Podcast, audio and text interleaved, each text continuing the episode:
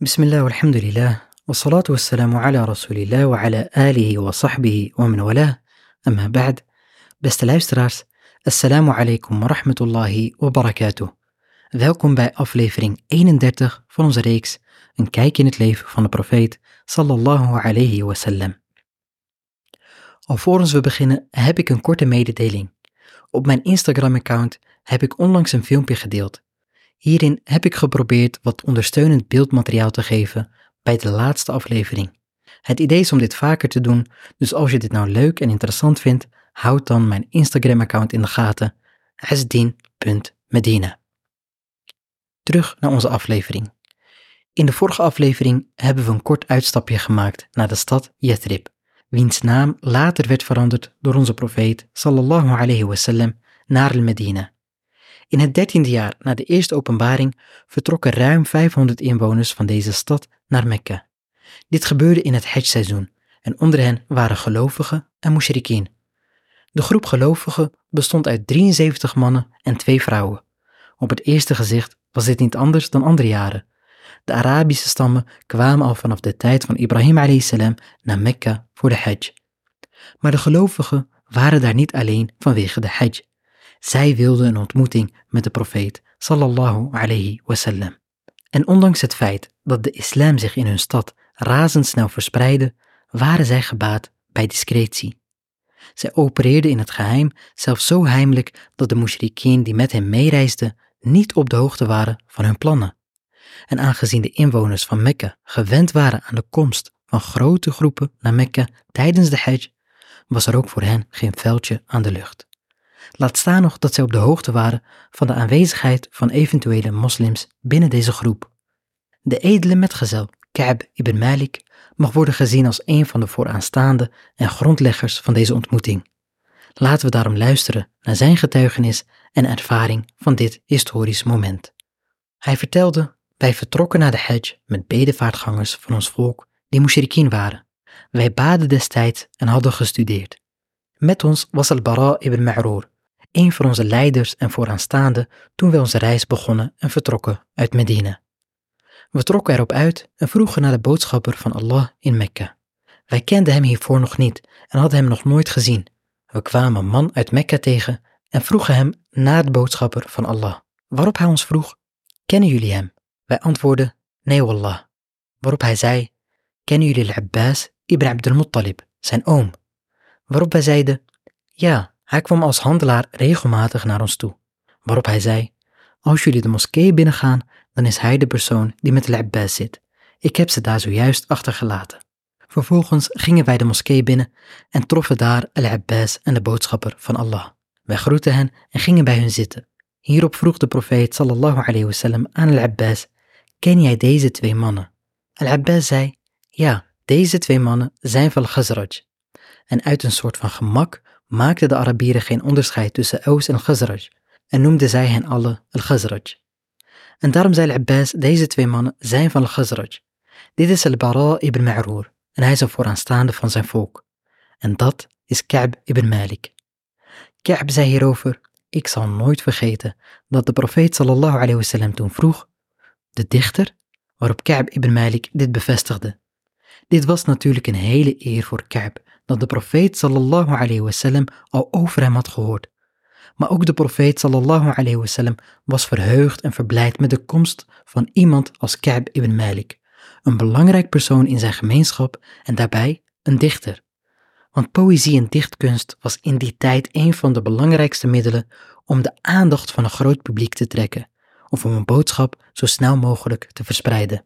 Iets wat de da'wa van onze profeet sallallahu alayhi wasallam ontzettend zou kunnen baten.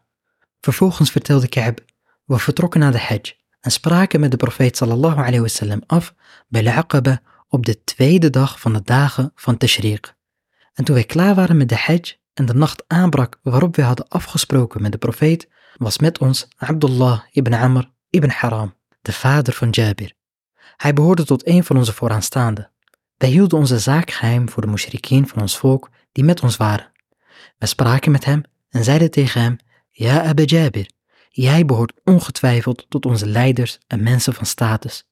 Wij willen niet dat jij morgen brandhout voor de hel zal zijn.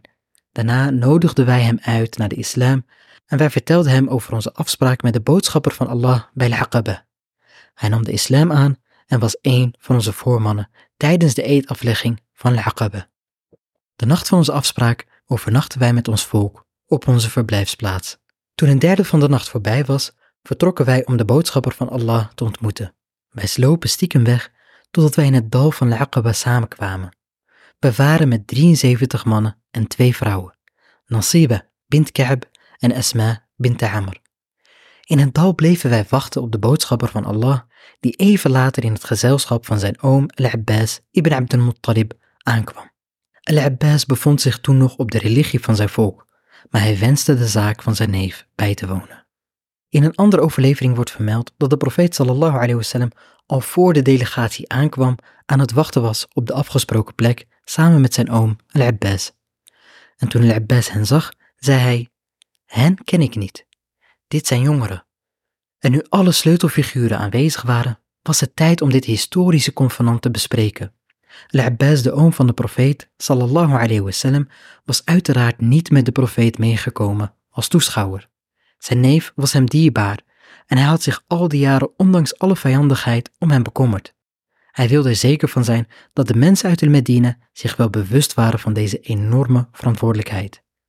En daarom nam hij het woord en zei, O mensen van Al-Khazraj, Mohammed is van ons zoals jullie weten. En we hebben hem beschermd tegen ons eigen volk dat over hem denkt als wij. Hij wordt gerespecteerd door zijn volk en is veilig in zijn stad. Desondanks wil hij zich bij jullie voegen. Als jullie denken dat jullie hetgeen waar jullie hem naar uitnodigen zullen nakomen en hem zullen beschermen tegen zijn tegenstanders, dan dienen jullie de consequenties te dragen.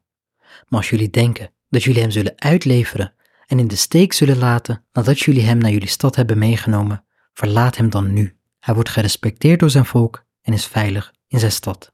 Al-Abbas had na de dood van zijn oudere broer Abu Talib de bescherming van hun neef overgenomen.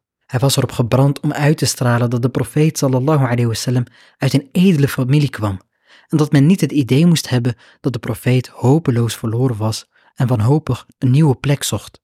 Als hij bij jullie komt wonen, dan zal dat met respect en eer gaan, net zoals hij gerespecteerd werd in Mekka. Want in feite was het een grote schande voor de inwoners van Mekka dat iemand met het aanzien en karakter van de profeet sallallahu alayhi wasallam de stad wilde verlaten. Ka'b ibn Malik vertelde verder en zei, vervolgens zeiden wij tegen hem, we hebben gehoord wat jij hebt gezegd. Spreek ja Rasulullah en neem voor jezelf en voor jouw Heer wat je lief hebt. Waarop de boodschapper van Allah sallallahu alayhi wasallam sprak, Koran reciteerde en opriep naar Allah en de islam. Hierop gaven wij gehoor. We beaamden wat hij zei, geloofden hierin en waren hier tevreden mee. Vervolgens zei hij, zweren jullie mij trouw dat jullie mij beschermen zoals jullie jullie vrouwen en kinderen zouden beschermen. Al-Bara'a pakte zijn hand en zei, Jazeker, o boodschapper van Allah. Ik zweer bij degene die jou met de waarheid heeft gestuurd. We zullen jou beschermen tegen datgene waartegen wij onszelf zouden beschermen. Wallahi, wij zijn mensen van oorlog. Dit hebben wij van generatie op generatie geërfd. Al-Bara'a wilde zijn hartstocht en overtuiging laten blijken. Hij wilde de profeet sallallahu alayhi wasallam laten zien dat de mannen voor hem dappere mannen waren die hem niet in de steek zouden laten. En terwijl hij sprak, werd hij onderbroken door Abu Haythama. Want ook hij was bereid alles op te geven voor de profeet. Hij was bereid zijn leven te geven. Daar was hij niet bang voor, maar vreesde wel voor iets. En alvorens al-Bara klaar was met spreken, zei hij, Ja Rasulallah, wij hebben verdragen met de Joden die we zullen ontbinden. Maar als wij dit hebben gedaan en Allah subhanahu wa ta'ala jou vervolgens macht geeft, zul je ons dan verlaten en terugkeren naar jouw volk? De liefde voor de profeet was bij Abu Haythama zo groot dat alvorens de profeet zich bij hen had gevoegd, hij bang was de profeet te verliezen. En daarom glimlachte de profeet en sprak vervolgens duidelijke taal die geen ruimte voor twijfel overlieten. Hij zei, integendeel, jullie bloed is mijn bloed. Ik vergeld wie jullie vergelden. Ik behoor tot jullie en jullie behoren tot mij. Ik bestrijd degene die jullie bestrijden en ik sluit vrede met degene met wie jullie vrede sluiten. Geen ruimte voor twijfel dus. En wat een eer voor deze metgezellen om dit moment te mogen meemaken. Sta even stil, beste luisteraar, bij de woorden van de profeet. Ik ben van jullie en jullie zijn van mij. Als ik deze woorden uit de mond van de profeet sallallahu zou horen, dan zou dit de gelukkigste dag van mijn leven zijn. Het zal u daarom ook niet verbazen dat Ka'b ibn Malik jaren later zei: Ik maakte met de profeet de nacht van Al-Aqaba mee, toen wij de islam officieel maakten. En ik zou het niet willen inruilen voor het meemaken van al-Badr, ondanks dat de slag van Badr bekender was bij de mensen. En de slag van Badr zal later in onze reeks aan bod komen. De toezegging en belofte die de profeet sallallahu alayhi wasallam hier deed, versterkte het vertrouwen van deze delegatie. En nadat duidelijk was geworden wat de profeet van hen verwachtte, zei hij: Stel onder jullie twaalf leiders aan die verantwoordelijk over hun volk zullen zijn. Waarop zij negen mannen van Ghazraj aanstelde en drie van Leus. En hiermee wordt al meteen duidelijk wat een geweldig leider onze profeet was.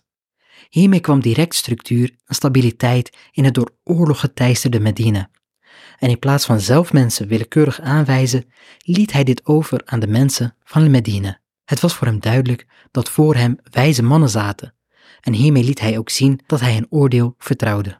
Dus zo kozen zij twaalf mannen die elk verantwoordelijk waren voor hun clan. Dus ter verduidelijking, we hebben de overkoepelende stammen Aus en Khazraj en binnen in die stammen zijn er weer verschillende clans en familiegroepen die allemaal hun vaste leefgebied hebben in El Medina.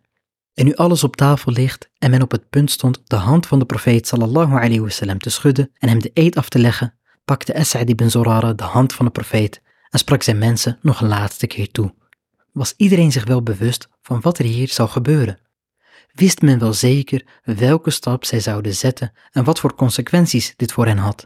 Dit was niet alleen een eed die zij aflegden, in feite was dit meteen een oorlogsverklaring. Want de vijandelijkheid die wij tot nu toe alleen nog in Mekka en Taif hebben gezien, zal enorme proporties aannemen. En wellicht herinneren jullie je nog wel de woorden van Waraqatu ibn Nawfal aan het begin van onze reeks, die tegen onze profeet sallallahu alayhi wasallam zei, er is geen man gekomen met wat lijkt op datgene waar jij mee komt of hij is vijandig bejegend. En als ik die dag zou meemaken, zal ik je krachtig bijstaan.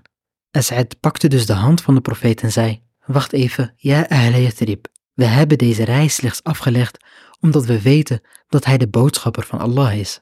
Als wij hem vandaag uit zijn stad meenemen, betekent dit dat alle Arabieren zich tegen ons zullen keren, de beste onder jullie gedood zullen worden en jullie door zwaarden gestoken zullen worden. Als jullie hier geduld mee zullen hebben, neem hem dan en jullie beloning is aan Allah. Maar als jullie vrezen dat jullie hier niet toe in staat zullen zijn, laat hem dan, dan zullen jullie een beter excuus hebben bij Allah. Maar dit vooruitblik veranderde niks aan het standpunt van deze mannen. Sterker nog, het maakte hen hartstochtelijker, want zij riepen, Ja As'ad, haal je hand weg, want wallahi we zullen deze eed niet laten of ontbinden. En zo was al-Bara ibn Ma'roor de eerste die de hand van de profeet sallallahu alayhi wasallam pakte en vervolgens pakten zij alle één voor één de hand van de profeet sallallahu alayhi wasallam en zwoeren hem trouw. Behalve de twee vrouwen die ook bij deze eedaflegging waren, want de profeet sallallahu alayhi wasallam schudde vrouwen niet de hand, zelfs niet op dit soort belangrijke momenten en plechtigheden. In plaats daarvan zei hij tegen hen, ik heb jullie eed geaccepteerd. Ka'b ibn Malik vertelde verder over die nacht en zei, toen wij de profeet hebben trouw gezworen, schreeuwde de shaitaan van boven de berg met het hardste geluid dat ik ooit heb gehoord. O bewoners van de woningen van Mina, willen jullie Mudhammima en de afvalligen met hem? Ze zijn samengekomen om jullie te bestrijden. En met de Mudhammima bedoelde hij de profeet. En dit was een minachtende bijnaam die sommigen de profeet sallallahu alayhi probeerden te geven, maar nooit heeft aangeslagen. Na het horen van dit geluid zei de profeet, dit is Azabu al-Aqaba, de zoon van Azyab, oftewel de shaitaan. Luister, o vijand van Allah, wallahi, spoedig zal ik met jou afrekenen. En voor wie dacht dat dit angst inboezemde bij de dappere sahaba, die heeft het goed mis. Integendeel, Al-Abbas ibn Ubada, niet te verwarren met de oom van de profeet sallallahu alayhi wasallam, zei meteen, Ja Rasulullah, bij degene die jou met de waarheid heeft gestuurd. Als jij wilt, rekenen wij morgen af met de mensen van Mine. Waarop de profeet antwoordde, dat bevel hebben wij niet gekregen. Ga terug naar jullie verblijfplaatsen. Waarop zij terugkeerden naar hun verblijfplaatsen waar zij sliepen, tot de volgende ochtend. En zie hier weer hoe wijs en bedacht onze profeet was. Het aantal mannen dat de profeet, sallallahu alayhi wasallam, tot zijn beschikking had, was een kleine militie, genoeg om een hoop schade aan te richten. Maar wat daarna? Natuurlijk wilden zij vergelding voor al dat leed, wraak nemen op de tirannen die hen en hun broeders onderdrukten. Maar de tijd was nog niet rijp. Het zou dapper zijn en edelmoedig, maar het zou niet de gewenste vruchten afwerpen. Integendeel, de kans was groter dat de vijand in grote getalen zou terugslaan. Hoewel de islam zich razendsnel verspreidde in Medina, was de gemeenschap nog niet stabiel en gestructureerd. Bovendien woonden nog vele van de moslimen in Mekka. Zij waren niet in staat zichzelf te verweren als de mensen zich tegen hen zouden verzamelen. De profeet sallallahu alayhi wasallam wist wat de sleutel tot succes was en was ervan overtuigd dat Allah subhanahu wa ta'ala zijn dienaren niet in de steek zal laten, want de overwinning is gegarandeerd voor wie, wiens doel Allah subhanahu wa ta'ala en zijn welbehagen is en wanneer men de juiste middelen neemt. De volgende dag kregen de inwoners van Mekka lucht van wat zich die nacht had afgespeeld. Zij haasten zich naar het kamp van de mensen uit Medina om verhaal te halen. De mushrikien die mee waren gereisd wisten uiteraard niks van de eed die hun stadsgenoten die nacht hadden afgelegd. En daarom ontkenden zij stellig toen zij hierover gevraagd werden. Maar de leiders van Quraysh namen hier geen genoegen mee. Zij gingen naar Abdullah ibn Ubay ibn Salul, een naam die we voor het eerst noemen, maar dit zal zeker niet de laatste keer zijn. Zij ondervroegen Abdullah, waarop hij kortdaad antwoordde: Dit is onzin en onmogelijk. Mijn volk zal nooit zoiets beramen zonder mij te raadplegen. Zelfs als ik in Yathrib was, zouden ze mij eerst om advies vragen. Abdullah was namelijk niet zomaar iemand uit Yathrib. We zouden kunnen zeggen dat hij de ongekroonde prins van Yathrib was. En deze kroonprins en Quraysh zullen spoedig de waarheid achter dit nieuws te horen krijgen. Mogen Allah subhanahu wa ta'ala ons kennis en wijsheid schenken. Wa sallallahu wa sallam wa barak ala nabina Muhammad wa ala alihi wa sahbihi ajma'in. Bedankt voor het luisteren. Wassalamu alaikum wa rahmatullahi wa barakatuh.